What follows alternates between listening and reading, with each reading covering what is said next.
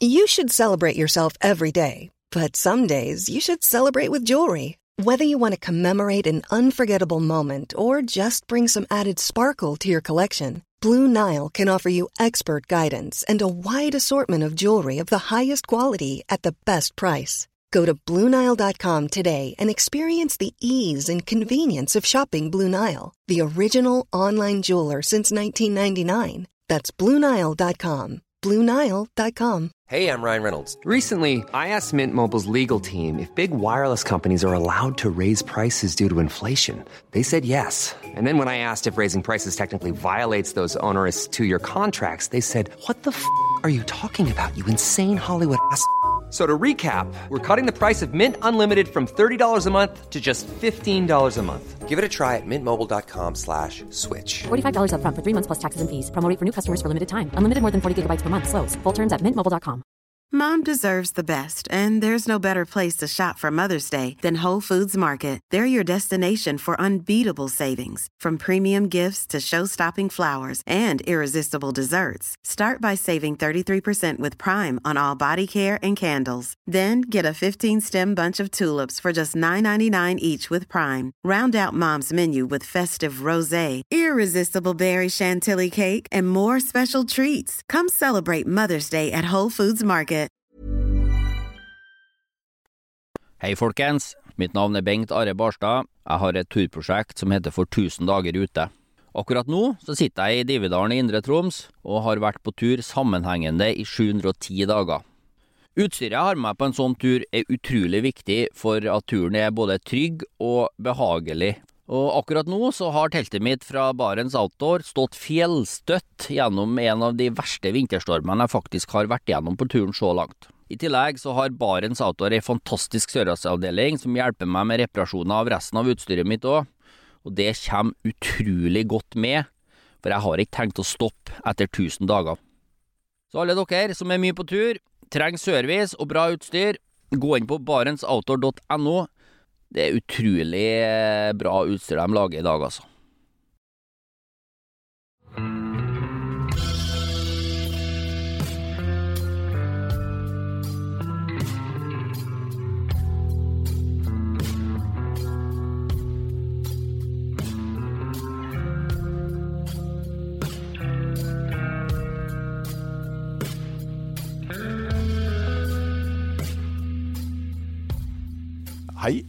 Velkommen til podkasten Uteliv. Mitt navn er Randulf Valle. Friluftslivet det kan gi oss store og berikende opplevelser. Men mange opplever òg å gå gjennom livsfaser da f.eks. sykdom og skader gjør det umulig å oppleve villmarka på den måten man ønsker. Men da kan det vise seg at sjølve tankene på opplevelsene vi får ute, blir veldig viktig som motivasjon for å komme seg gjennom og komme seg tilbake. Det oppsummerer kanskje litt av det vi skal snakke om i dag, for dagens gjest jobber nå som personlig trener, men har òg opplevd å være så sjuk at det er vanskelig å komme seg ut av senga. Velkommen til Bastian Fjernseth. Tusen takk, Randulf. Det er ære å få lov å være her. Det er veldig hyggelig å eh, få deg på besøk. Eh, Det er jo ganske åpenbart at du har en eh, sykdomshistorie som vi skal komme tilbake til ganske fort. Men aller først så lurer jeg på, har du hatt en fin natur- eller turopplevelse i det siste? Ja, jeg har nettopp hatt en veldig fin naturopplevelse. Jeg var på jobb eh, for to dager siden. Hadde noen PT-kunder tidlig på morgenen. Så på at snøen lava ned ut, og at det ble kjørt opp fine skispor. Så da bestemte jeg meg for at imellom de neste kundene, så skal jeg ut og gå på ski. Og var hjem, hadde på meg skiklær, og det var sol, fint. Kom meg til skiløypa, begynte å gå, og det gikk over til å bli snø og vind og sånn Trøndelags værskifte som vi er vant med her, da. Og gikk noen par timer på ski, og i løpet av de timene så gikk det jo over til å være sol og fint og stilt, og en kunne nyte naturen. Og de værskiftene og det med å bare få den hverdagsturen der, da. Der får jeg masse fine naturopplevelser. Mm.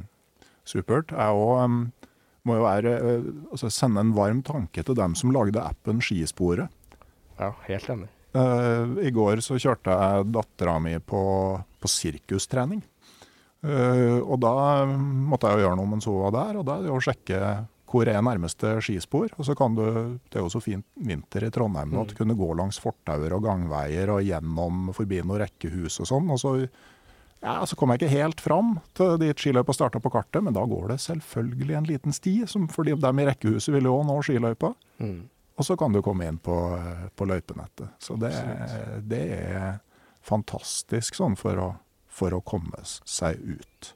Man trenger ikke dra så langt for å få naturopplevelsen. Nei. Men samtidig en sånn tur som det der, eh, Bastian, for i en lang periode så var det litt sånn utafor rekkevidde for din del. Ja, det var vel uoverkommelig og umulig. Ja. Kan du fortelle eh, hvorfor? Fordi at jeg lå inn på sykehuset og venta på å få et organ. Så jeg hadde en leversvikt. Mm. Hva det kom av? Hva som var bakgrunnen for det? Det kom av at jeg var født med en sjelden medfødt sykdom som heter gallegangsatresi. Som er svært få i Norge som blir født med eh, i året. Og da får du en operasjon som spedbarn, det er som kalles Kasai-operasjon. Så gjør at du kan leve med levra di en periode, helt til ting ikke fungerer. Og til slutt så fungerte det ikke, og da lå jeg på sykehuset og venta på nytt organ, da. Mm. Men sånn for å gå tilbake til den tida før, eh, før transplantasjon blei et spørsmål, da. Altså, Mm. sånn, for det første så, så mener jeg å ha lest eller hørt at eh, det var en lege som undersøkte deg, som nettopp hadde vært på et kurs, sånn at han oppdaga hva det var veldig tidlig. Ja, det er eneste grunnen til at jeg overlevde. Eh, han hadde vært på et kurs på Rikshospitalet. Og så trodde han kanskje det kunne være det, det at det var en sånn eh, gallegangsatresi. Og så sendte han meg dit, og så ble jeg operert. Og det, den legen som gjorde den operasjonen, han har kun gjort én sånn vellykka operasjon, og det er meg. Eh, så det er en eh, spesiell historie og veldig, veldig flaks for min del. Ja, altså Først så er det jo forferdelig uflaks, da. Først er det uflaks, men så er det flaks. Mm. Men, eh, men hvordan, hvordan prega det her oppveksten din? Den har prega meg hele livet med at jeg har vært syk, frisk, om en annen aldri visste når jeg skal på sykehuset neste gang. Har vært eh, inn og ut av sykehus, blodprøver, prøver, eh, ultralyder, eh, MR ja, Alt det sykehuset kan tilby, det har de vel gjort med meg så mange ganger som overhodet mulig. Mhm. For å følge med statusen min. Da. Så jeg har eh, hatt litt for mye tid på sykehus. Ja, hvordan, eh, hvordan var du? Altså, hvordan var dagene når du var dårlig? Hvordan var kroppen din og det? Jeg var, jeg var veldig frisk når jeg var frisk, og veldig aktiv. Og så var jeg veldig syk når jeg var syk. Da lå jeg best i senga, eller hørte bøker, eller så TV, eller uh, gjorde sånne ting. Da. Så jeg, da, var, da var jeg så dårlig at jeg fikk ofte sterke smertestillende, jeg fikk intravenøst antibiotika. Jeg ble ofte sendt til Rikshospitalet for behandling i stedet for å være på lokalsykehus. Så det har vært, det har vært mye. Mm. Men hvordan preger det her liksom sånn eh, Altså både det sosiale og skole og sånne ting? Det har prega det sosiale og skole veldig mye. sånn at Jeg har, eh, jeg ble mye mobba på skolen fordi at jeg var jo litt annerledes. Jeg var borte mye, jeg var tilbake. Jeg var, så litt annerledes ut fordi at jeg hadde arr på magen. Av og til var magen min stor fordi at det var ja, eh, ting som in, in, inni der som ikke var bra. Og av og til var magen normal igjen. og så var jeg på sykehuset igjen, og så kom jeg tilbake, og så hadde jeg jo dysleksi i tillegg til, som gjorde at eh, skolegangen var ganske dårlig. Jeg var ikke akkurat den beste på skolen. eh, og ja, det gjorde jo at det sosiale ble veldig dårlig i perioder. Og det ble tøft å være Bastian, men da var, hadde jeg naturen og fri, fri, ja, friomplassen min var å være ute. Så det var veldig fint å være ute i stedet for å være på skolen. og Gikk jo litt skole på sykehuset. Ja, sko, sykehusskole var, var allerede kommet, men det var kanskje ikke like bra som det er i dag. I dag gjør du jo alt på en iPad, så i dag eh, får de samme oppfølginga når de er på sykehuset som om de er på skolen. Så det, Ja, jeg hører jo at en del òg får en sånn slags robot som sitter på plassen deres i klasserommet. Og, Sånn at de virtuelt er til stede. mm. Mm. Det, det tror jeg nok eh, gjør det lettere for dem som er syke i dag, og det, det er bare bra. Mm. Eh, Men, men du sier at du måtte, brukte naturen som friområde. Altså, hvor er du vokst opp hen? Jeg vokste opp eh, på to plasser, eller ja, hovedsakelig to plasser. Valsøyfjorden, som er da midt mellom Trondheim og Kristiansund. Og så flytta vi ganske tidlig til Kristiansund pga. jobben til en pappa. Og, og da vokste jeg opp eh, 200 meter fra sjøen og 100 meter fra skogen. Eh, Mm. Så jeg kom an på hvilken dør av huset jeg gikk ut av, hvilken retning jeg skulle gå i. Ja, hva, liksom det, måte, hva gjorde du ute i naturen? Eh, det jeg likte kanskje best, det var jo å starte ned ned med sjøen, nede med svabergene der, og kaste med stanga og få fisk. Eh, det likte jeg veldig godt å hjelpe med når jeg hadde mulighet til det. Eh, det kunne jeg stå timevis, dagevis og bare kaste, uten å få fisk. Og fikk da fisk òg, men det kunne gå lang tid imellom. Mm. Eh, og så gikk jeg ut på andre sida av huset. Da kunne jeg gå opp i skogen og se på fugler og dyr.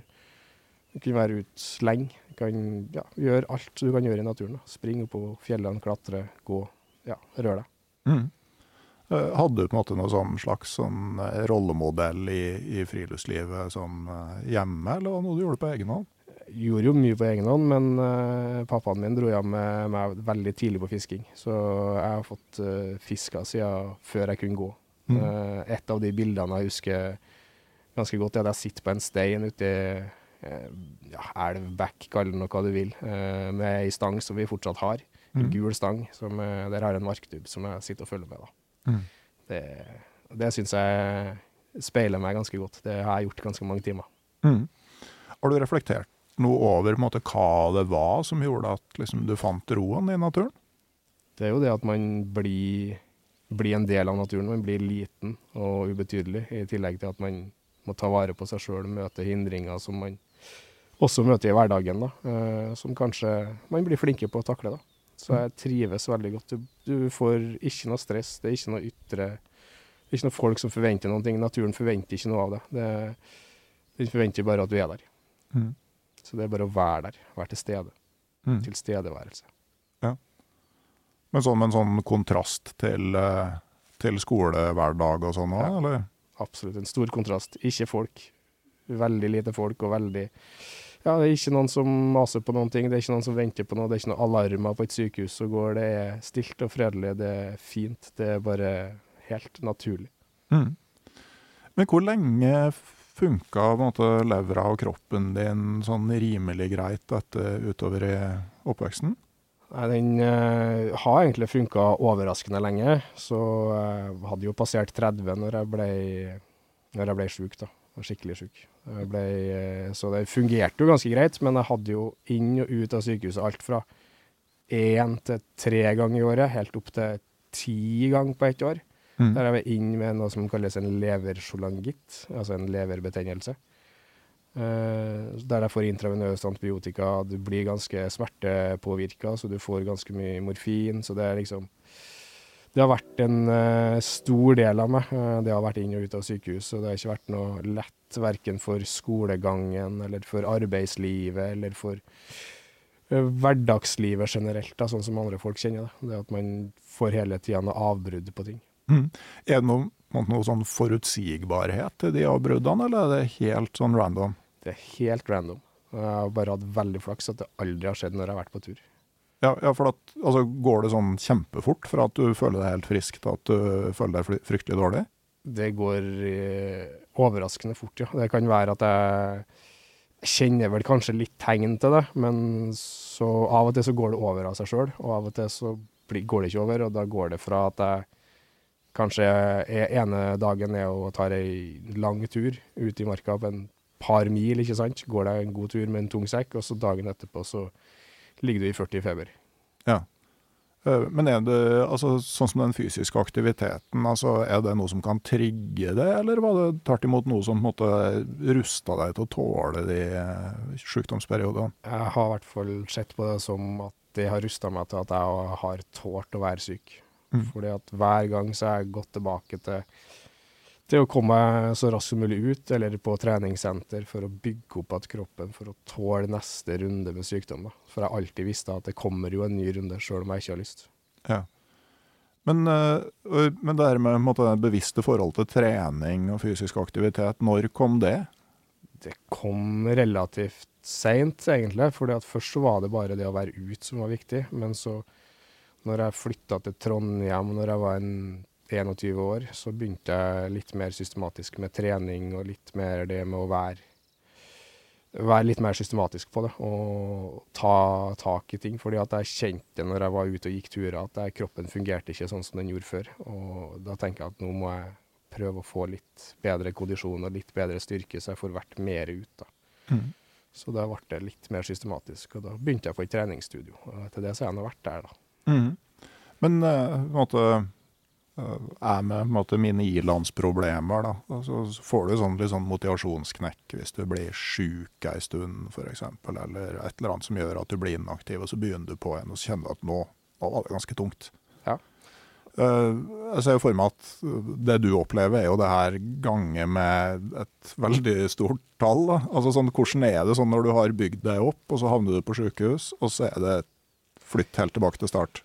Det er helt forferdelig. Og så er det også egentlig ganske gøy, fordi at du starter jo på start igjen, og så går det ganske raskt oppover til et normalnivå. Men jeg kommer sjelden over det normalnivået. da. Uh, har gjort før, i hvert fall. Så jeg bare starter på null, og så går det gradvis oppover ganske raskt. Så de første tre ukene er jo en vanvittig fremgang. Du ser jo fremgang fra gang til gang på treningssenteret. Så det er ganske gøy. Mm.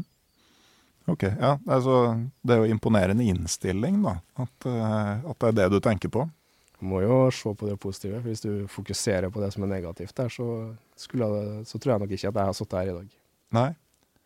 Nei, for da du opplevde sånn utover i ja, Når du begynte å nærme deg 30? Ja, 33 ca. Ja. Uh, da blei du veldig dårlig? Da ble jeg veldig dårlig. I si, ja, tidlig vinter da, så ble jeg veldig dårlig. Jeg ble liggende uh, Jeg var på en lang tur. Gikk det fra Granåsen til Grønlia, som du vet godt hvor er, og opp på Storheia, og så tilbake igjen til Granåsen uh, på en sånn dagstur, da. Og kom hjem, la meg på sofaen, slappa av spiste, uh, sånn som vanligvis man gjør. Og dagen etterpå så kjente jeg at kroppen fungerte ikke. Og tilfeldigvis så var det der en uh, søndag, da. Uh, så da venter jeg til mandag med å skal ta noen blodprøver, for jeg har en fast avtale med en lege, professor der på sykehuset, at jeg kan komme når jeg vil og ta noen blodprøver for å sjekke om ting er i orden. Og har telefonnumre, så det er bare å ringe hvis det er noen ting. Og dro nedover dit på mandagsmorgen. Pappa skulle ned for å ta noen helsesjekk i forhold til jobben en gang av og til. Og kjørte meg nedover, og vi kom til krysset til St. Olav, så begynte jeg å spy blod. Oh. Så da spydde jeg blod utover meg sjøl og i bilen, og han hyva fra seg bilen utafor eh, gastrosenteret, som det heter, da, eh, på St. Olav. Sprang inn og henta en rullestol, og trilla meg inn der da på uh, ja, dag, Dagneten, eller post, der dagposten, da, der man er innom når det er noen ting. Og der står det jo masse folk i resepsjonen der. Sykepleiere, godt drevne sykepleiere og overleger. Og da det er klokka åtte på morgenen, så det er før de egentlig har åpna. Mm. Og så sier jeg navnet til to stykker, og så spyr jeg blod, og så kikker jeg opp og sier 'hjelp meg', og da går det kun kort tid, så ligger jeg på et bord, og så er det 12-13 mann rundt meg og fikser meg. Nei, men altså det virker jo som altså Hvis det der hadde skjedd et annet sted enn i det siste krysset før St. Olav, sammen med en far din som på en måte òg er litt sånn drilla i mm. hvor du skal og Ja, han visste ikke helt hvor jeg skulle, og i, i et til, til etterpåklokskapens navn sa vi kanskje ikke skulle ha trilla inn dit, men kanskje trilla inn på akutten i stedet for, eller. Mm. Og der var Problemet med å komme dit er jo at de har jo ikke alt utstyret, de har jo ikke ting på plass der, men uh, akutteamet kom jo ganske raskt, og folk sprang jo rundt og henta utstyr. og uh, en, en, av de sykepleierne som jeg husker veldig godt, da, en stor, uh, stor godt voksen mann uh, som har vært med på mye, som står der med kaffekoppen sin, og han, de trøtte øynene klokka åtte om morgenen. Fra jeg, sier, fra jeg ser den første gangen, til jeg bøyer meg ned og spyr blod, og til jeg ser den opp igjen, så så er de øyene ganske vidåpne og i alarmberedskap. Og det, det, er et av de, de bildene som sitter igjen veldig godt i hodet mitt. Da. Og kaffekoppen som datt ned eh, der. Det, det, er jo drevne folk som har sett mye, så det, det ga nok et inntrykk på dem òg. For din del, da, altså hva tenker du Altså, svimer du av? Altså, hva er det du tenker de sekundene? Jeg tenker veldig lite. Jeg vet at jeg er på den tryggeste plassen i, i Trøndelag. Jeg er på St. Olav. Det kan jeg ikke Jeg får ikke gjort noe fra eller til. Nå er, nå er det bare å la dem gjøre den jobben som de kan. Og så får jeg få Jo tidligere jeg får litt morfin og får sovne her nå, jo bedre er det, tenker jeg. Ja, Men du får ikke noen sånne tanker om at OK, dette var det? Nei, for det har skjedd før at jeg har spydd blod. Uh, men uh, Så jeg trodde det tok en uke, 14 dager, så var jeg ute igjen og på beina og klar for ny tur. Men uh, det tok litt lengre tid enn som så, da. Dessverre. Ja, ja hva som skjedde da? Det skjedde at jeg ble trilla ned på overvåkning, ble liggende der med masse dioder, altså masse elektroner som målte hjerterytme, puls, pust, alt som var fulgt opp. Blodprøver jevnt og trutt. Og, og de eh, skjønte ikke helt hva som var gærent. Uh, og vi fant egentlig, ikke, fant egentlig ikke helt ut hvorfor jeg hadde spydd blod engang. Uh, vi vet jo hvorfor. Det var et eller annet utposning på blodåret som har sprukket, eller altså et eller annet sånt. Men, uh, det hadde ordna seg sjøl, men så var jeg fortsatt dårlig og ble aldri frisk. Lå der og Etter hvert så fant de ut at det var en leversvikt, da, og at jeg måtte ha et nytt nytt organ som har stått på list, som har stått og Ja, jeg visste hele livet at jeg måtte ha en gang, da. Mm. Hva tenkte du da? Da tenkte jeg at det der har jeg egentlig ikke lyst til. Fordi at jeg kjenner, jeg kjenner systemet, jeg vet at du må stå på den lista, jeg vet du må jeg vet hvilken blodtype jeg har som gjør at det gjør det vanskelig å få. Altså Den blodtypen alle kan få fra, og jeg kan kun fra, få fra den type blod. Uh, og jeg vet at det er ganske lang ventetid. Eh, kan være. Jeg vet at uh, det er mangel på organ i Norge generelt. Uh, og jeg vet at kapasiteten ikke er så kjempestor på det også. Og, jeg vet at opptreninga etterpå er også ganske krevende, da. Ja, hva var alternativet?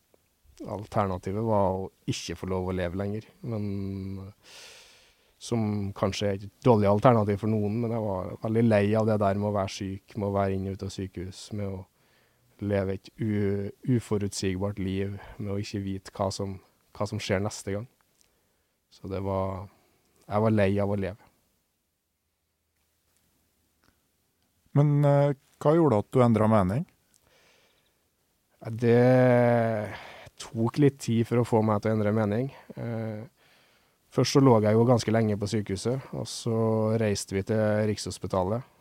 Etter masse overtalelser fra både sykepleiere, leger og familie og sånn. Bare reiste over og se, i hvert fall. Reiste over og høre. Så gjorde jeg det, og så møtte jeg onkelen min eh, på Rikshospitalet, for han bor i Oslo. Det har vært som bror min hele livet. Han har vært den som har vært med meg på en del turer. Vi har gjort en del ting sammen. Uh, han har vel vært mye ute på andre ting i, for, i forbindelse med militæret da, og vært veldig fokusert på jobb i mange år. Og levd, ja, livet var å jobbe. Så vi snakka sammen og ble enige om en kontrakt der vi skal på en del turer sammen. Uh, og når jeg blir frisk. Uh, og vi satte opp den sammen og laga tre eksempler av den. Uh, og ramma den inn og fikk til slutt overlegen til å lese den høyt for far min. Og da hadde jeg bestemt meg for at jeg skulle på tur igjen med onkelen min, og det var mål. Ja. Hvem skulle ha det tredje eksemplaret? Det var ett vi hadde hver, og så ett som ble lagra i en safe. Hm. Bare for å ha det på tre plasser. Ja. Hva slags turer var det som sto på den? Det sto egentlig ikke noen spesifikke turer. Det sto antall turer og sto litt sånn forskjellig. Sånn dartbiltur der vi kaster på norgeskart, og så drar vi dit bilen havner. Eh, biltur. Eh, det står eh, padleturer. Det står eh, ja, flere forskjellige typer turer. Eh, der vi to turer i året i minimum fem år. Og det var det som Altså, var det utslagsgivende for deg? Den Det var helt utslagsgivende. Det var det som snudde meg. Mm. Jeg vet egentlig det fordi at jeg har alltid likt å være sammen med han. Jeg har alltid vært som en bror for meg. Alltid vært på masse turer. Vi har gjort masse gøy sammen i oppveksten. Eh, og vi har eh, stått godt sammen i alt mulig som vi har vært i. Og vi har eh, ja, har det veldig fint når vi er sammen. Og vi, det med at vi må da prioritere tid begge to for å kunne dra på de turene, og at det står fastskrevet på en kontrakt, det var det som gjorde at jeg, jeg da sa ja til å komme på den lista. Mm. Og at han skulle være med på både opptrening og være med å motivere og være med å prioritere tid til det. Ja. Det handler det litt om altså du, du vet jo fortsatt måte hva slags prosess du har foran deg, men handler det om altså Det er jo en sånn at du, at du ser tydeligere hva som ligger på den positive sida av vektskåla. Ja, det handler nok ganske mye om å få noe positivt på den vektskåla, ikke bare alt det negative. Mm. For det, jeg så ikke noe positivt. Jeg så kun den jobben og det slitet som jeg ikke hadde lyst til å gjøre. Men eh, derifra, da, hvordan er prosessen videre når du da, når du da ønsker det her? Blir du satt på ei venteliste? Ja, du må da veies og måles. Du får et målbånd rundt livet, får målbånd rundt brystet, for du, et organ må passe inn i kroppen din. Du tar masse prøver, masse forskjellige ting for å se hvor stort organ trenger du, hvor lite organ, eh, hva er det du trenger, hvilken vev er du har, hvilken blodtype har du, altså masse sånne parametere da. Og så blir du sendt eh, tilbake, der du har eh, et brev der det står at vi ringer deg når vi har et eh, organ som passer deg. Mm, normalt sett så tar det mellom ca. tre måneder. For min del så tok det ca. dobbelt så lang tid før jeg fikk et organ. Hva gjør du i den perioden der? Da ligger jeg på St. Olav på et rom i femte etasje I et halvår? i et halvår. Ok, for, for altså Jeg stiller dumme spørsmål her. Er. Eh, Men eh, for eh, jeg vet jo at altså, hvis du mangler nyre, så kan du være inn til dialyse og på en måte og ta det der maskinelt. Altså leverfunksjon, er det noen måte å erstatte den på på tilsvarende vis? Nei. Nei. Det er det ikke. Den kan du ikke erstatte. Så levra fungerte jo litt, men den fungerte ikke godt nok til at jeg fungerte. Nei. Hvordan merker du det? Du blir Altså, det, du merker det at du har null energi. Du har eh, Du produserer giftstoffer i blodet ditt på en måte der òg, for levra renser jo en del ting, den òg. så den, du tar ikke opp energi på god måte. Så det er masse ting du merker på. Du blir tynnere og tynnere. Du ligger Søv mer. Du blir ja, det er masse som skjer. da. Altså, du mister hår, fordi at levra er med på å produsere en del ting som gjør at hår vokser. Altså, det er masse som skjer. Du mister alt. Alt av livskvalitet, livsgnist, alt. Mm. Så det blir susete i hodet, men det blir det nå uansett. Da. Når du får masse morfin, så eh, Det fungerer bare rett og slett ikke. Du kan, du kan ikke leve uten en lever. Men, men eh, når du ligger der, ikke sant, altså eh, Er dagene så lange som de høres ut som? Ja. Det eneste som dro meg gjennom dagene, eller gjennom ukene, da. Dette det her tror jeg er ganske viktig for, for folk som er syke, eh, uansett hvor syke de er. Eh, det at man har eh, Uka er jo en viss antall dager, jo sju dager, ikke sant. Så hvis du har en avtale på tirsdag, og en avtale på onsdag, og kanskje en avtale på fredag, så har du ting som skjer imellom der, som gjør at du kan eh, har noe å se fram til. Det trenger ikke være så stort. Det kan være en avtale med en fysioterapeut der du skal trene litt, eller gå litt, eller bevege deg litt. Det kan være en avtale med en eh, psykolog eller en prest, eller altså, det kan være en avtale med en kompis at han skal komme og hente deg og kjøre deg en tur.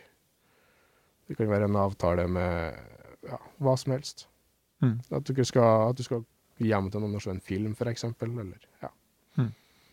Bare noe som måte, gir, gir i hvert fall noe mening? ja, noe som gir noe mening. Mm. Og så bør du ha noen, noen mål for dagen. Jeg hadde, jeg hadde ett mål, det at jeg skulle gå 3000 skritt hver dag. Ja. Sjøl om jeg, sykepleierne syntes jeg var gal for at klokka halv tolv så hadde jeg kanskje 2500 strik- skritt, så da måtte jeg ut og gå frem og tilbake i korridoren der til det sto 3000 før jeg la meg. Så det var, det var de, den måten jeg kom meg gjennom på det, og at jeg hadde en fantastisk familie som kom og henta meg, dro meg med hjem på middag og besøkte meg. Altså at vi feira til og med bursdager sjøl om Altså, de var jo bare og henta meg og dro hjem og spiste kake, og så dro vi tilbake igjen. Altså. Det at dagen ble litt oppstykka, eh, gjorde at dagen gikk litt fortere. Mm.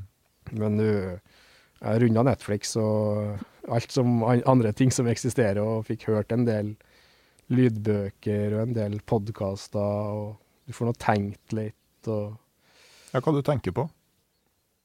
og Jeg tenker jo veldig mye på tur, da, for jeg så jo altså alt som er av naturprogram på NRK, det har jeg sett minst én gang. Ja. Om ikke to, om ikke tre.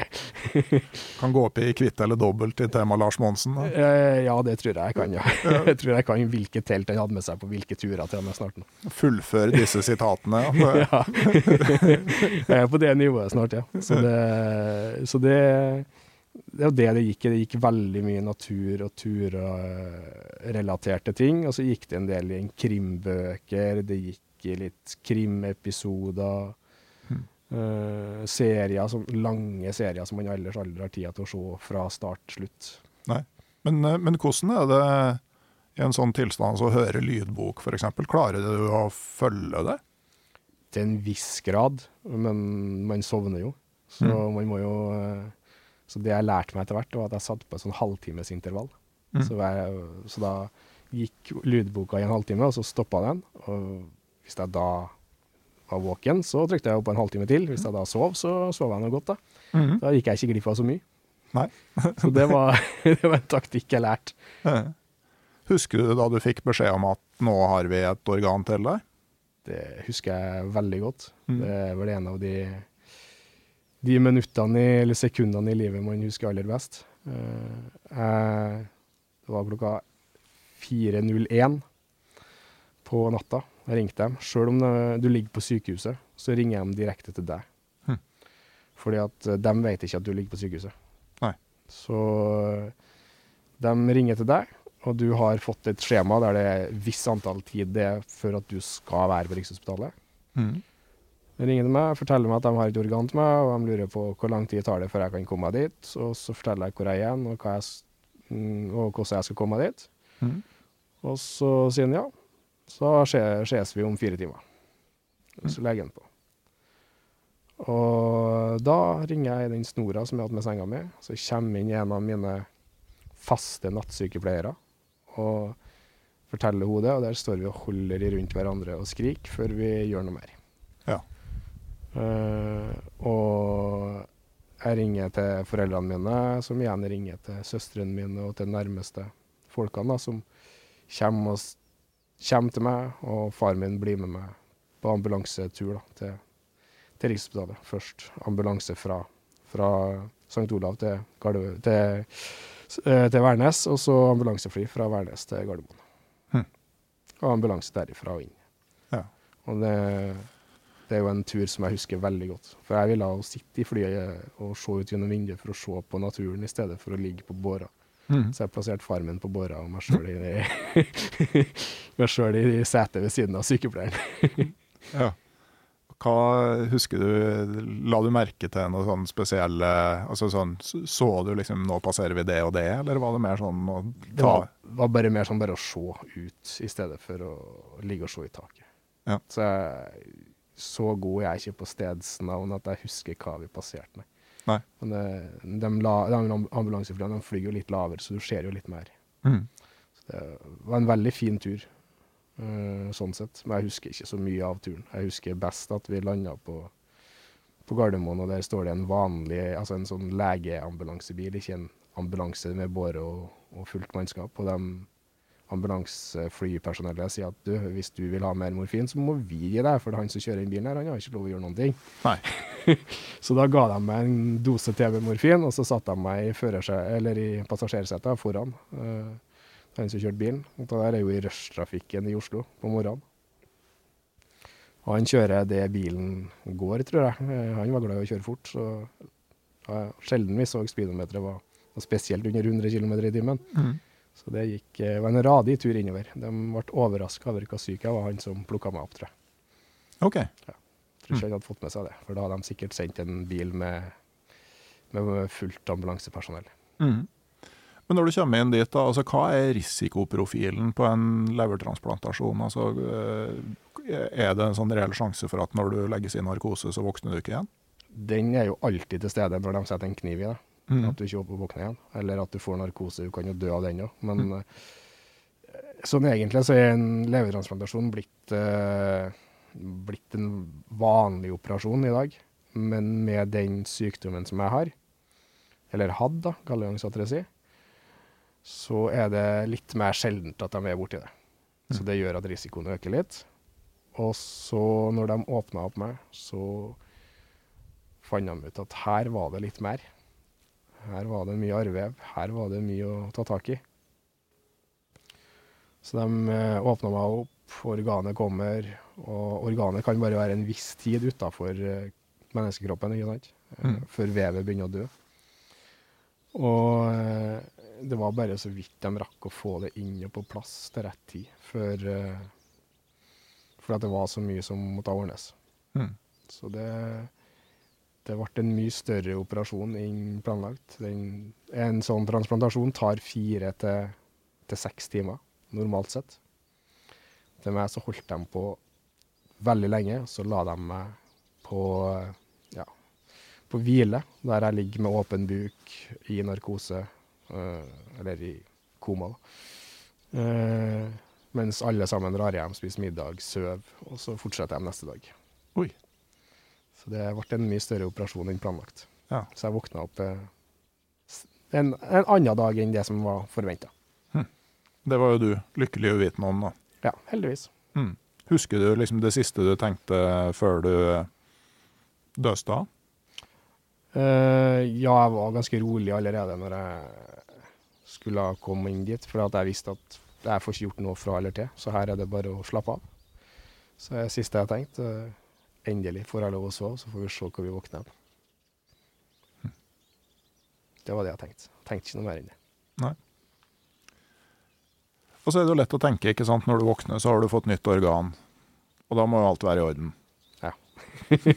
Da er, da er vi klar for, eh, ny, da er vi klar for en, tu, en lang tur. Dag to. Jeg skjønner på latteren din at det ikke er akkurat sånn. Nei, jeg, ble, jeg våkna jo på overvåkninga. eh, der har- er du intubert, ikke sant? så du, pust, du puster jo ikke sjøl. Du gjør jo ingenting sjøl, egentlig. ikke sant? Nei. Uh, og får ut den intuberinga etter hvert, og blir, og blir ja, mer og mer uh, medisin da, ikke sant? som blir pumpa inn i deg for det å holde deg smertefri nok. Og, men ikke så mye medisin at du slutter å puste. Og så, ja, det er en fin balansegang, det der. Uh, og i løpet av den tida jeg ligger der, så får jeg ut den intuberinga, og så skal de skifte seng på meg. Og jeg som har vært gjennom ganske mange sånne ting, jeg har jeg alltid gått fra seng til seng sjøl. Så det her skulle jeg jo gjøre sjøl den gangen her òg. Men uh, det ble jo en litt større operasjon enn det, de hadde det jeg hadde sett for meg. For de begynte å skulle dra meg over, og det nekta jo jeg. Jeg ville stå ved siden av senga og komme meg opp i neste seng sjøl.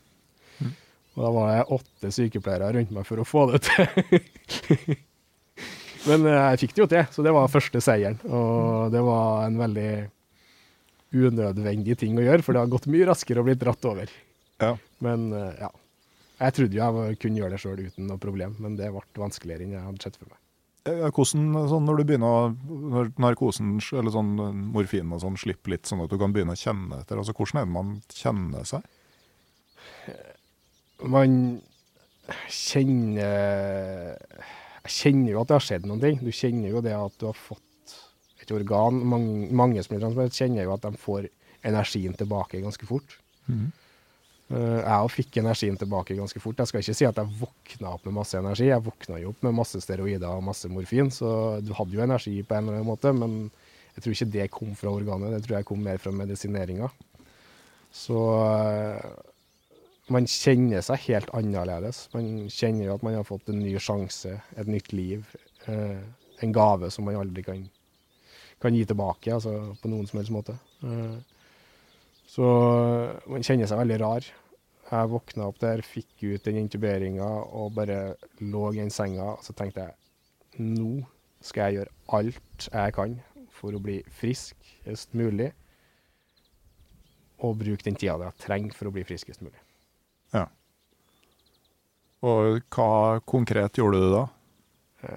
Jeg begynte jo med det å gjøre det som jeg fikk beskjed om på sykehuset, med å opp av senga på en helt annen måte, for du kan ikke bruke en magemuskel, ikke sant?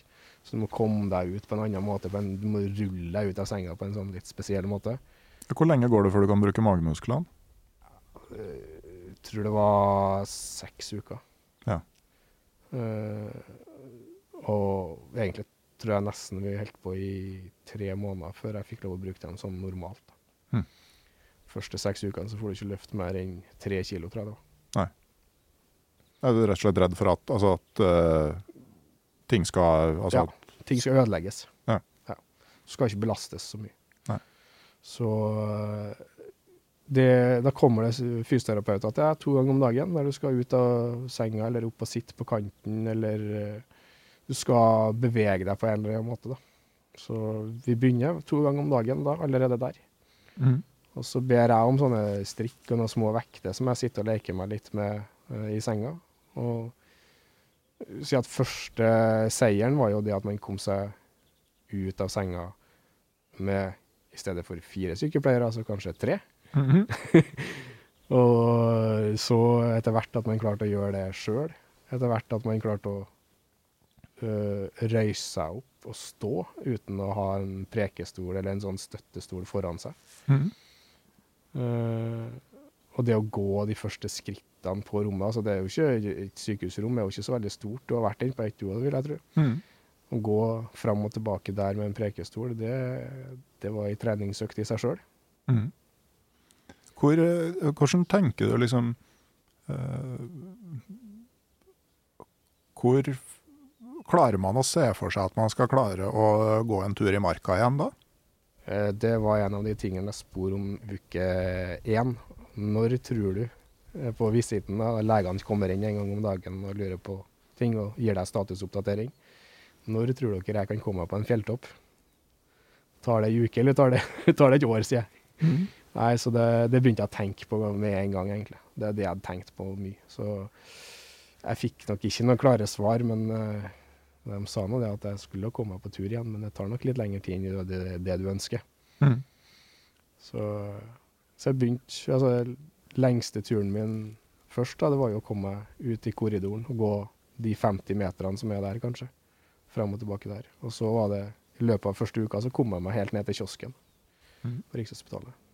Mm. Så ble det å komme seg derifra fra senga og ned på treningsrommet på Rikshospitalet med fysioterapeuter. En til to ganger om dagen. Og etter det så ble det å komme seg ut. Og det der var jo den sommeren det var så varmt. Mm. Så å komme seg ut, det var, det var godt. Ja, hvor mange år siden er det? Ja, det begynner jo å bli tre år siden nå. Ja. Snart fire. Mm. Ja, den sommeren da det var nesten ikke vann i elvene og Ja. åkrene tørka ut. Og, Alt var brunt og svidd. Ja.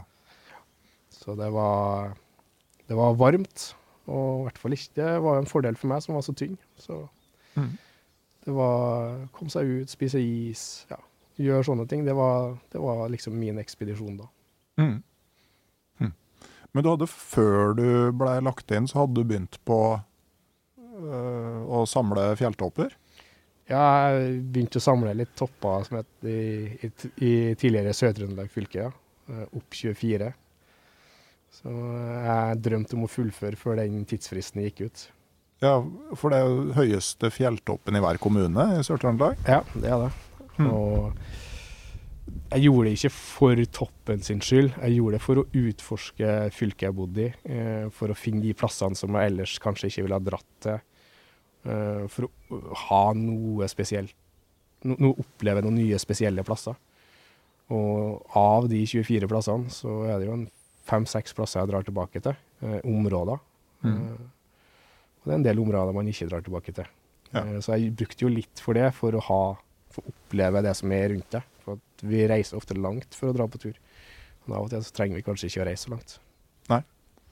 Det var jo noe som koronaåret Ja. lærte oss. At eh, man oppdaga faktisk hjemkommunen sin på en helt annen eh, måte.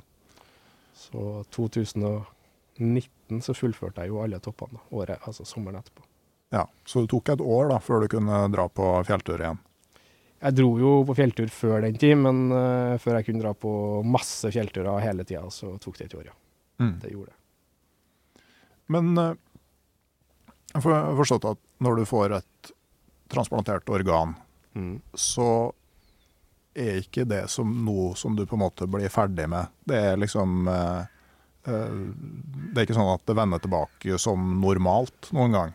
Nei, du blir jo for resten av livet transplantert, så du går på medisin resten av livet. Eh, så hver tolvte time så tar jeg medisin. Hva er det den medisinen skal gjøre? Den skal passe på at uh, immunforsvaret ditt ikke støter bort organet du har i kroppen. Uh, fordi at et organ eller et fremmedlegeme vil immunforsvaret se det på som. Og det vil alltid være litt annerledes enn det organet du hadde fra før. Uansett hva nær vevtype og lik blod og alt som er, så vil det være litt annerledes, som gjør at vi må til enhver tid gå på medisin for å unngå at det skjer. Men eh, er det altså sånn immundempende medisin? altså Det demper jo resten av immunforsvaret òg, gjør det ikke det? Det gjør det, men så har vi ikke lyst på et for sterkt immunforsvar heller, for da får vi jo autoimmune sykdommer. Så vi har ikke lyst på et for svakt immunforsvar, for da blir vi jo syke hele tida. Vi har lyst på et smart immunforsvar. Så, ja. så jeg håper på at jeg har et smart immunforsvar. Ja. Men jeg tenker jo sånn når du sånn Med covid-perioden og sånn, så er det jo ikke sånn helt ideelt å gå på immundempende medisiner? Absolutt ikke. Og det er en grunn til at vi som er transplantert, ble veldig tidlig prioritert for å få vaksine. Så jeg fikk vaksine veldig tidlig, og fikk målt antistoffnivå fordi at jeg ble, sa ja til å bli forska på, som jeg gjør alltid når jeg får spørsmålet. Mm. Uh, og uh, har fått fulgt med det på en trygg måte. Da. Så jeg har følt meg trygg i covid-tida, faktisk. Jeg har tatt mine forhåndsregler uh, som har gjort at jeg har følt meg trygg. Ja. Men sånn i, i, i friluftslivet, altså uh, Folk som kjenner deg litt, beskriver deg jo som, uh, som veldig sånn systematisk. Ja. Veldig nøye med planlegging typisk masse lister og, og, sånne ting. Er det måte, et resultat av det her, eller er det mer en sånn slags personlighetstype? Det er nok en kombinasjon, fordi at jeg prøver jo så godt jeg kan å, å ha litt kontroll da, med at jeg har medisin på meg til enhver tid, med at jeg er på riktig plass til, til riktig tid når jeg skal ha medisin. da. Så jeg er nok litt personlighetstypen at jeg liker å ha kontroll på ting og liker å ha system, for det gjør turene mine enklere. Uh, og det at uh, det er nok en lite resultat av det at man er, blir, er så avhengig at hver tolvte time skal man ta medisin. Mm. Så jeg tror det er en kombinasjon. Ja, for, for, jeg tenker sånn, Hvis du skulle ut og reise og bagasjen din blir stjålet, liksom ja, det, det, er jo, Da har jo jeg allerede et system som gjør at det ikke skjer. Ja. Fordi at jeg har medisin på meg. Nok for hele den reisen som jeg skal være på, pluss at jeg har det i bagasjen. Ja. Og hvis jeg da har reist på tur med deg, at vi skulle ha dratt på en tur, så har jeg kommet opp ut av medisin i din bagasje òg. Ja. Sånn at vi har hatt uh, dobbelt opp eller trippelt opp til enhver tid. Mm. Men, uh, men, er det sånn at dagsformen din fortsatt påvirkes mye av det her? Nei, egentlig ikke. Men hvis man får uh, andre ting da, så kan jeg jo påvirke, men som regel så blir jeg ikke påvirka av medisin jeg tar nå, nei. Noe spesielt. Nei. Men er det sånn uh, altså, Kan du få tilbakefall uh, sånn med, med or transplantert organ? Ja, det kan du få. Det, det, er veldig mange som blir transplantert både én, to, tre, fire, fem ganger. Uh, men lever er en av de tingene som er ganske spesielt. Det skifter jo cellene sine hvert tolvte tolvte måned. Så det blir mer og mer likt deg på hver tolvte måned. Så det blir, hvis, får, hvis, jeg har fått levera fra en person som er 100 år, så blir levera like gammel som meg i løpet av ett et år. da. Oh, ja. uh, setter vi litt på spissen, men sånn cirka sånn er det. da. Ok, og Betyr det at jo lengre tid det går, jo på en måte større sjanse er det for at det vil fortsette å gå bra? Ja, så de første tre månedene er verst, og så blir det bedre og bedre. Uh, men hele tida så må du passe på Eh, måten du lever på, må passe på medisin og ta blodprøver. Kanskje I starten så tar du jo blodprøver hver dag eller to ganger for dagen. Og etter hvert så tar du blodprøver en gang hver sjette uke eller en gang i måneden, eller for å følge med at medisinmengden i, i blodet ditt er lik til enhver tid. Mm. Så det, det, er sånn som man følger opp hele, hele livet. Mm. Blir aldri helt ferdig. Men hvordan, hvordan påvirker det altså, friluftsliv, teltliv, lengre turer? Det jeg er veldig glad i Norge, så jeg reiser veldig sjelden så veldig mye lenger enn Norge når jeg skal på tur. Så da jeg jo, tar jeg jo blodprøver før jeg drar på tur, og så tar jeg blodprøver når jeg kommer hjem fra tur. Og hvis jeg skulle da vært på en veldig lang tur, som, som kunne ha vært fint, så har jeg nok helt klart fått en avtale med å stikke innom lokale sykehus og, og ta den blodprøven. Mm. Så kunne legen min som, som jobber altså kunne Rikshospitalet eller St. Olav, legen min ringte meg og fortalte meg hvordan hvordan det står til om vi må gjøre noen endring. Ja. Men, eh, men, du er en del på, på overnattingstelttur alene? Absolutt. Ja. Eh, hva det gir deg? Hvorfor drar du alene? Og det gir meg fred, ro, tilstedeværelse, eh, frihet. Det, det, gir meg egentlig alt det du ikke får i byen. Det, det, gir meg det når du går alene i fjellet, altså uansett hvor det er. Hvis du møter en person, så, så får du en hyggelig prat ofte, og kanskje en kaffekjele sammen. Man, man, uansett om man aldri møter en person igjen, så har man et hyggelig, hyggelig møte. Mens hvis du står hvor som helst i hvilken som helst by så, alene, så, så snakker du ikke med noen. Nei. Så det, det, det, å være alene på tur er helt fantastisk. Frihet. Mm. Tilstedeværelse. Du opplever naturen på en helt annen måte enn om du går med to-tre stykk til. Tror du at, du at, du liker det så godt og har noe å gjøre med oppveksten din, hvor du var vant til å være mye alene i naturen? Ja, jeg tror nok det har en del med det å gjøre. Og så tror jeg det har med det at jeg, jeg trives veldig godt i eget selskap. Jeg trives veldig godt med å bestemme sjøl. Hvis fiskestanga mi peker til nord, så går jeg nordover. Eller hvis jeg ser et vann, så slipper jeg å Ja, da kan jeg bare bestemme meg for at jeg går dit. Mm. Uten at det er noe, noe, mer å tenke på. Ja, det er jo mange som har vært inne på det der med Altså, det er forskjell på å være eh, liksom aleine av fri vilje i villmarka og føle seg ensom i byen. Mm. Lingstad som eh, nailer det best. Det vil jeg tro. Det er blant mennesker at ensomhet blir til. Det er jeg helt enig med han i. Mm. Og jeg trives veldig godt på tur alene, men jeg trives også veldig godt på tur med andre. Fordi at det å dele turopplevelse kan jo være helt fantastisk. Men, men, det er to forskjellige typer turer, og det, du opplever turen på to forskjellige måter. Ja, for du er jo òg turleder for Turistforeningen? Absolutt, og det syns jeg er fantastisk. Å få lov å ha med folk på tur og gi dem turopplevelser som de ellers kanskje ikke har fått sjøl. Mm. For de ikke har tora godt de turene. Og frivillighet er veldig viktig for meg. Da. Det å gjøre ting frivillig. Mm. Så jeg har, ved uh, at jeg har vært syk gjennom hele livet, så har jeg vært på mye sånne samlinger der du møter sjeldne sykdommer. og Kalde sommerleirer, altså forskjellige ting som skjer. da. Som har igjen gjort at jeg har møtt mye folk der som har litt spesielle utfordringer. Alt fra svaksynte til folk som sitter i rullestol, eller andre typer sykdommer som, som preger livet deres på forskjellige måter. Og det er de folkene jeg trives veldig godt sammen med. For det, de har levd livet på en annen måte. Du får en helt annen kontakt med dem. Du får en helt annen ja, De har en annen forståelse for det vi har noe felles, selv om vi ikke har det samme. Mm. Eh, så det syns jeg er veldig fint. Og via det igjen da, så har jeg vært med og fått i gang ei turgruppe for Blindeforbundet her i Trondheim. Mm. Sammen med flere andre. da. Og der vi har med synshemmede på, på tur. Så har fått Blindeforbundet og Turistforeninga TT tilrettelagt til å samarbeide med, sammen. da. Så vi får til fine turer. Eh, overnattingsturer. Vi skal på telttur med Une Cecilie til sommeren. Ok.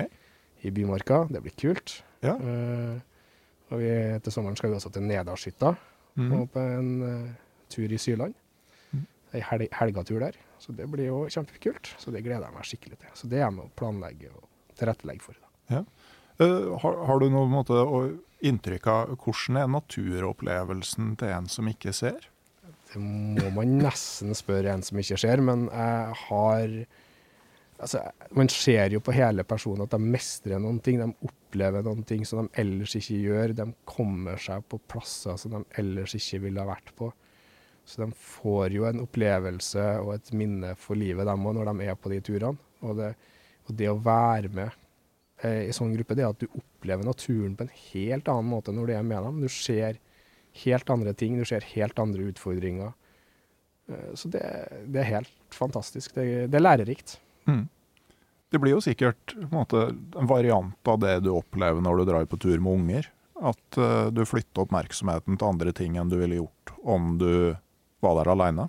Absolutt. Det, det vil jeg tro. Jeg har ikke unger sjøl, men jeg har vært på tur med unger. Jeg syns det er fint, for du ser helt andre ting. Du ser mer ned. Du kan, trenger ikke gå så langt for å ha en fin naturopplevelse med en unge. Nei, det blir var, de små tingene. Mm. Men husker du forresten første teltovernattinga di etter transplantasjon? Oh, det var et godt spørsmål. Det tror jeg ikke at jeg kan si at jeg husker, nei. Nei. Rett og slett. For det Jeg husker første turen. Mm. Det var opp til, opp til Røverhula i, i Oslomarka. Oh, ja. DNT-hytte der. Ei lita DNT-hytte. Mm. Eh, plass til to til tre personer. I lag med onkelen min. Det var tre måneder etter transplantasjon. Da, for at vi skulle komme oss dit, så sykla vi på elsykkel dit. Så sov vi i den hytta der. Så mm. sykla vi hjem igjen. Mm. Så det gjorde jeg samtidig som at jeg var på Rikshospitalet på en sånn tremånederskontroll. Mm. Så da etter jeg har vært der, så dro jeg til onkelen min som bor i Oslo, og så dro vi på den turen. Var det første krysset på, eh, på var, lista fra kontrakten? Det var første krysset på lista. Ja. så den, eh, det var en fin, fin tur. Ja. Har eh, kontrakten blitt overholdt eller misligholdt? Den har blitt overholdt så langt, i hvert fall. Ja. Så det, vi har hatt, jeg har tatt padlekurs. Han er jo padle, padle ja, godt padleerfaren. Han har masse, han holder mye kurs og alt mulig innen padling. Så, så, han har gitt meg litt sånn grunnkurs og litt sånne ting. Så jeg har vært, fått, fått med en annen måte å oppleve naturen på. Mm. Og så har du jo òg uh, Du er jo yrkesaktiv som, som personlig trener. Mm. Altså, du kan jo altså Eh, hvor vanlig er det å komme tilbake i arbeidslivet etter en sånn transplantasjon? Det er veldig varierende i forhold til hvilket organ du transplanterer, og hvor syk du var. Men jeg var jo veldig, veldig syk, så, og jeg var allerede 100% ufør. Jeg kunne sette meg i stolen min og spille PlayStation og gå på turer, og, eller ikke gjøre noen ting i hele tatt. Uh, men jeg har Ved at jeg har trent meg opp igjen sjøl og sett hvilken effekt det har på meg, uh, så har jeg veldig lyst til å bidra til samfunnet og bidra til bedre folkehelse. Bidra til at andre opplever den mestringa man kan gjøre med, med, trening. Trening trenger ikke å være å løfte tyngst mulig, det kan være det å mestre hverdagen på en annen måte, på en lettere måte. Så jeg var så heldig at jeg var med i en annen podkast, og så fikk jeg en telefon fra en som eier Akademiet for personlige trenere. og Han ga meg utdannelsen. Så jeg Oi. fikk eh, PT totalt, så det heter. Så jeg fikk tre kurs der at jeg fikk, fikk PT-utdannelsen, som koster ca. 100 000 kroner. Hm. Og i dag så jobber jeg som personlig trener og prøver å gjøre mitt beste for at de kundene jeg har, opplever det som er noe av det som jeg har opplevd. Mm. Hva er det som er grunnen til at folk velger å skaffe seg personlig trener? Det kan være alt mulig. Det kan være alt fra at de kommer hjem fra en tur der de har ødelagt seg, Uh, på en eller annen måte. At de har ødelagt kneet sitt, eller at uh, Ja. Eller at de skal ned i vekt, eller at de ønsker å lære seg litt mer om trening. Så målet mitt når jeg har en kunde, det er jo at kunden skal ikke ha behov for å ha meg over lang tid. En skal få mest mulig av kunnskapen min på kortest mulig tid. Så en kan velge å trene alene, men en kan òg velge å ha meg der hvis en ønsker det. Mm. Uh, så så det å, å lære personlig, eh, lære bort til personen sånn at den kan trene seg sjøl, eh, er litt av målet mitt. Og litt av det at de skal få sitte igjen med kunnskap. Mm. Er det mye turfolk som eh, kommer til det? Og noen er det, men det er foreløpig ikke så veldig mange. Men noen. Og, Er det først og fremst da at de kommer etter at det har begynt å gjøre vondt? ja. de kommer som regel eh, på våren, høsten, og sier at nå kan, klarer jeg ikke å gjøre det jeg ønsker å gjøre, så nå må vi prøve å få gjort noe her. Ja. Eh, det er ganske generelt alle sammen. Det kommer ikke før, det, før du må. Nei. Og, og det er vel litt sånn at eh, altså hva de sa, hvis du, hvis du tror forebygging er dyrt, så bør du prøve en skade. Ja. Det, forebygging er smart. Tenker du at uh, altså, den jevne turperson altså, er det noe man kunne gjøre for å liksom, være bedre forberedt og ha mer glede av turene? Jeg ser jo det at jeg har bedre glede av turene når jeg slipper å se ned i bakken når jeg går opp bakka. Mm. At jeg kan se rundt meg i stedet for. Så litt bedre kondisjon. Det får man jo ved å gå turer, så klart, men man kan jo vedlikeholde når man ikke, når man ikke er på tur. Mm. Så kan man eh, øke styrken sin i, i bein, og i, spesielt i ettbeinsøvelser. Da. Og kanskje også få styrka ryggen litt, så sekken ikke, ikke ødelegger ryggen din. Mm. Ja, jeg må innrømme at uh, sjøl så har jeg jo kommet dit hvor det begynner å gjøre vondt her og der. Det, så jeg har jo oppsøkt en fysioterapeut pga. knærne sånn for et års tid siden. Ja. Og det var jo ett besøk og noen øvelser. Og så, så er utfordringa å følge det opp, da. Ja, og det er der ofte vi personlige trenerne kommer inn. Jeg har jo et samarbeid med fysioterapeut. Han sender kunden til meg når de er klar for å Altså, fysioterapeut trener jo, la oss si, syke folk, da. Mm. Og syketrening eller skadetrening og sånn. Og så den personlige trener trener jo dem som er friske eller ikke har en grunn til at de ikke kan gjøre ting, da.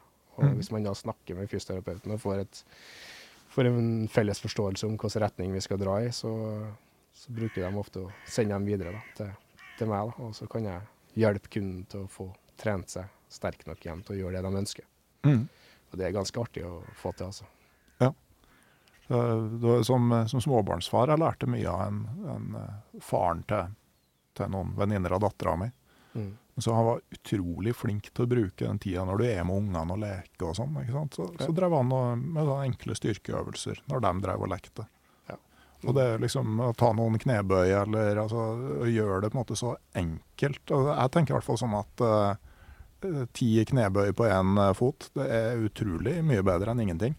Det er, alt er bedre enn ingenting, og når man gjør det på én fot, så er det ikke alle som klarer det, selv om de er en turperson. Nei, det klarte ikke jeg heller da jeg begynte. Det var veldig interessant. Jeg skulle prøve å ta knebøy på én fot, og det bare liksom ramla sammen. Det, um, Og da er det fint å være på en lekeplass med en unge og holde seg fast i disse eller noe. Ja. Og ta de knebøyene, eller eh, klatre litt i stativet i lag med dem, henge der, eller ja. Gjør. Mm. Lekeplassen til ungene er en veldig fin treningsplass for oss voksne. Nei, og det er jo det, det, det som jo egentlig så er jeg veldig lite glad i styrketrening, men det, det som er artig, er at du ser jo så utrolig tydelig framgangen. Ja. Og hvis du setter, setter litt systematisk opp, så blir det veldig systematisk eh, tall som øker hele tida, og man får virkelig oversikt over at det går fremover, og det er ganske gøy. Mm. Og er du litt mindre systematisk så, og gjør det litt nå og litt da, så merker du at over tid så gjør det litt mindre vondt. Det gjør det. det går litt lettere når du går på tur. ja. Slipp å kjenne på kneet som gjør vondt i nedoverbakken. I din situasjon, altså når, eh, når det er såpass mye måte, usikkerhet rundt livssituasjonen, Mm. Jeg ser for meg at det kan ha liksom forskjellige effekter på drømmer og planlegging. Altså Noen vil drømme mye, mens andre vil på en måte leve veldig sånn eksklusivt her og nå, fordi at det er det, det eneste man er trygg på. Altså eh, hvordan, har du, eh, hvordan er du der? Du, altså, jeg gjør nok begge deler. Jeg drømmer en del om alt fra turer man har lyst til å gå, eller ting man har lyst til å oppleve, eller folk man har lyst til å møte, eller sånne ting. Og så er jeg veldig på det at jeg skal være til stede og leve her og nå, i stedet for å alltid skal strekke meg til å ha et eller annet, eller nå et eller annet for at det er da først jeg lever. Uh, Så jeg er veldig på det å være til stede og leve nå. Og med, nå hele tida. Nyt der du er. Mm. Men har du en sånn drøm som du måtte jobbe litt mot, eller? Altså, jeg jobber mot og jobber mot. Jeg, jeg, jeg drømmer jo om å være på flere lengre turer, der jeg får tilstedeværelse, der jeg får tid, der jeg får vært ute over tid, der jeg får eh, Jeg trenger ikke være fra A til B, men altså bare tror ikke det er noe spesielt, men bare at man er på flere av de fine plassene i Norge da, som jeg angra på at jeg ikke har vært på tur når jeg lå på sykehuset, som jeg ønsker å være på tur på, før jeg da eh, en gang igjen blir syk. Mm. Eller gammel. Mm. Så det jobber jeg jo litt imot. da. Og flere av de plassene kan være eh, Hardangervidda f.eks., eller Børgefjell, eller uh, Lomsdal-Visten. Der har jeg vært en tur, men dit må jeg tilbake. Så det er flere sånne turdrømmer som kanskje tar litt tid. Ikke det å bare uh, ha tiden til å være der over tid, da. Ikke bare stresse deg gjennom det. Mm. Nå sitter vi jo her og tar opp i midten av februar, nydelig vinterdag. Mm. Sånn avslutningsvis, altså, om du ikke skulle vært akkurat her sammen med meg nå, altså, hvor ville du helst vært da? Det er et kjempegodt spørsmål, men uh, for å toppe det her, så det må nå bli vanskelig, da. Men uh, jeg kunne ha tenkt meg å sitte på en av kanskje de plassene som jeg nevnte, rundt et bål med deg og Lars Monsen samtidig. Da må vi ha toppa det her. Ellers er, har vi det fint her vi er. ja, OK. Eh, nei, det, det, det kunne jo vært noe, det. Det kunne ha vært det. Kunne vi ha fått hørt historiene. Det må jo finnes noen historier om det han ikke har skrevet om i bøkene òg. Jeg håper det. Jeg håper han har noen historier som vi kan høre på. Jepp. Det var utrolig hyggelig å ha deg med her, eh, Bastian. Og eh, det er jo ikke minst eh, litt Det setter ting i perspektiv for de Mm. aller fleste av oss. Altså, vi har De aller fleste av oss har utrolig gode muligheter til å gjennomføre ting som vi har lyst til. Det er i hvert fall det som, som jeg sitter igjen med her nå. Ja, det har vi. Og, men det er en av de tingene som jeg Når jeg var på transplantasjonskirurgisk avdeling, da jeg snakka med folk der, øh, om de var bedriftsledere og har jobba jobba hele livet sitt med å tjene mest mulig, ha det fineste huset, det fineste bilen, og har reist mye. Men det de snakka om, det var turene i Norge som de ikke har tatt seg tida til å gjøre. Altså alt fra det kanskje besøke Lofoten eller eh, andre plasser i Norge. Det var de opplevelsene de snakka om, som de angra på de ikke har gjort. De angra aldri på de timene de har lagt ned på jobb ekstra. Eh, Det så de bare på som bortkasta tid når de lå på sykehuset der og ble transplantert eller var skikkelig syke. Mm. De samtalene der, de har satt spor i meg, som jeg har Med den andre sjansen i livet som jeg har fått nå, jeg har blitt kallet født på ny, så, så har jeg bestemt meg for at jeg skal i hvert fall leve her og nå, og det er jeg som skal bestemme over hva som jeg gjør. Og det skal aldri være vondt for noen andre, det som jeg bestemmer, men jeg skal sette meg sjøl i fokus og få oppleve mest mulig på, på den tida som man har. Da. At man kanskje ikke fokuserer så mye på det materialistiske, men mer på opplevelsene. Det er jo en veldig fin ting å ta med seg på slutten. Og én ting til. Registrer dere som organdonorer. Ja. Det er bare å si det for å bli det. Mm. Si det til din nærmeste. Så hvis kona di vet det, eller barna dine vet det, så er du det. Og så kan du òg gå inn og gjøre det formelt. Ja, på helsenorge.no. Mm. Registrere det, for da vil det komme opp Mm. i den hvis det skulle være en sånn in the unlikely event, at Ja. ingen kan gi godkjennelsen for deg, så, så kommer det opp at du tillater bruk av dine organer. Ja, Det er en beste gaven du kan gi til noen. Du gir jo ikke bare gaven til den personen som får det, du gir det til et helt økosystem. Du gir det til både Noen får igjen sønnen sin, eller uh, mor si, eller uh, Og de ungene får igjen far sin, og bestefaren får igjen bestefarungen sin. Og det er, det, er, det er et helt system. Vennene får igjen vennen sin. Så det, det er ikke bare den ene personen du pårører, det er mange. Reflekterer du av og til over at du har en bit av et annet menneske i Ja. kroppen? Det reflekterer jeg over eh, Jeg skal ikke si daglig, men jeg, er jeg, hver gang jeg er på en tur, så reflekterer jeg over det. Hver gang jeg står på en fjelltopp eller på et utsiktspunkt og ser utover, så tenker jeg litt på det at jeg har Jeg har faktisk Jeg lever faktisk for to. Så jeg må, må virkelig leve og nyte. Man vet ikke noe om den personen. Um, I Norge så er det hemmelig fordi at uh, det er ikke alle som har lyst til å vite hvem, uh, du, hvem du gir organ til. Nei. Eh, enkelt forklart så kan det være ja, at det blir gitt til folk som du ikke ønsker at skulle ha fått det. da. Mm. Så det er hemmelig i Norge. Og Norge er et lite land, så derfor så har jeg ikke sagt noe om dato eller måned når jeg ble transplantert. Nei. Mm. Tusen takk igjen. Sjøl takk. Mhm. Jeg skal som vanlig helt til slutt ta noen opplysninger som føles veldig trivielle akkurat nå. Men jeg takker alltid dem som støtter podkasten Uteliv på Patrion. Det er en gjeng som gjør at jeg nå faktisk kan bruke ganske mye helt ordinær arbeidstid på å lage podkasten. Det er plass til flere av dere. Da får man være med i en egentlig ganske sånn herlig gjeng som eh, er med og eh, ja, kommer med forslag til gjester, spørsmål, temaer. Og nå har jeg òg ganske nylig lansert en nettside som bruker Patrion som innlogging. Hvor eh, langturkompiser og ekspedisjonsmakere får tilgang til en stadig økende samling av artikler som inntil nylig har støva ned i djupet av mine gamle harddisker. Kan sjekke randulfalle.no eller podkastenuteliv.no for å se mer på hva det her er. Det kan man jo gjøre mens man venter på neste episode av podkasten Uteliv. Og den kommer fredag om ei uke. Ha det bra.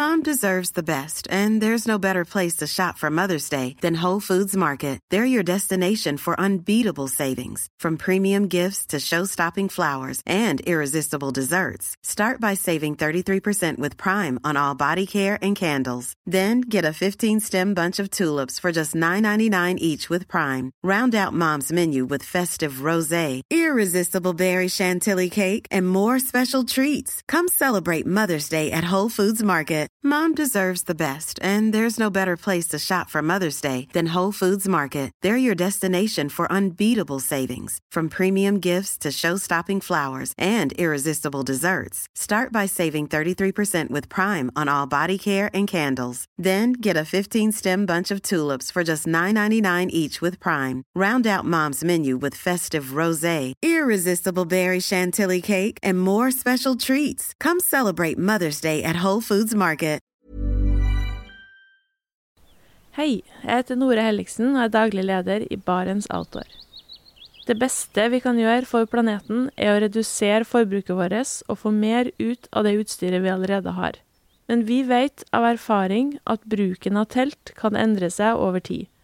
Det teltet du kjøpte for to år siden, passer kanskje ikke det behovet du har i dag. Derfor har vi i Barents etablert en egen panteordning der vi tar imot brukte telt av god kvalitet i innbytte når du kjøper et nytt av oss. Prosessen er enkel. På barentsoutdoor.no gir det oss informasjon om teltet du vil bytte inn. Basert på det får du et tilbud fra oss som gir deg rabatt på ditt neste Barents-produkt. Mer info og betingelser finner du på barentsoutdoor.no. Og husk at den første reparasjonen på produkter fra Barents er alltid gratis.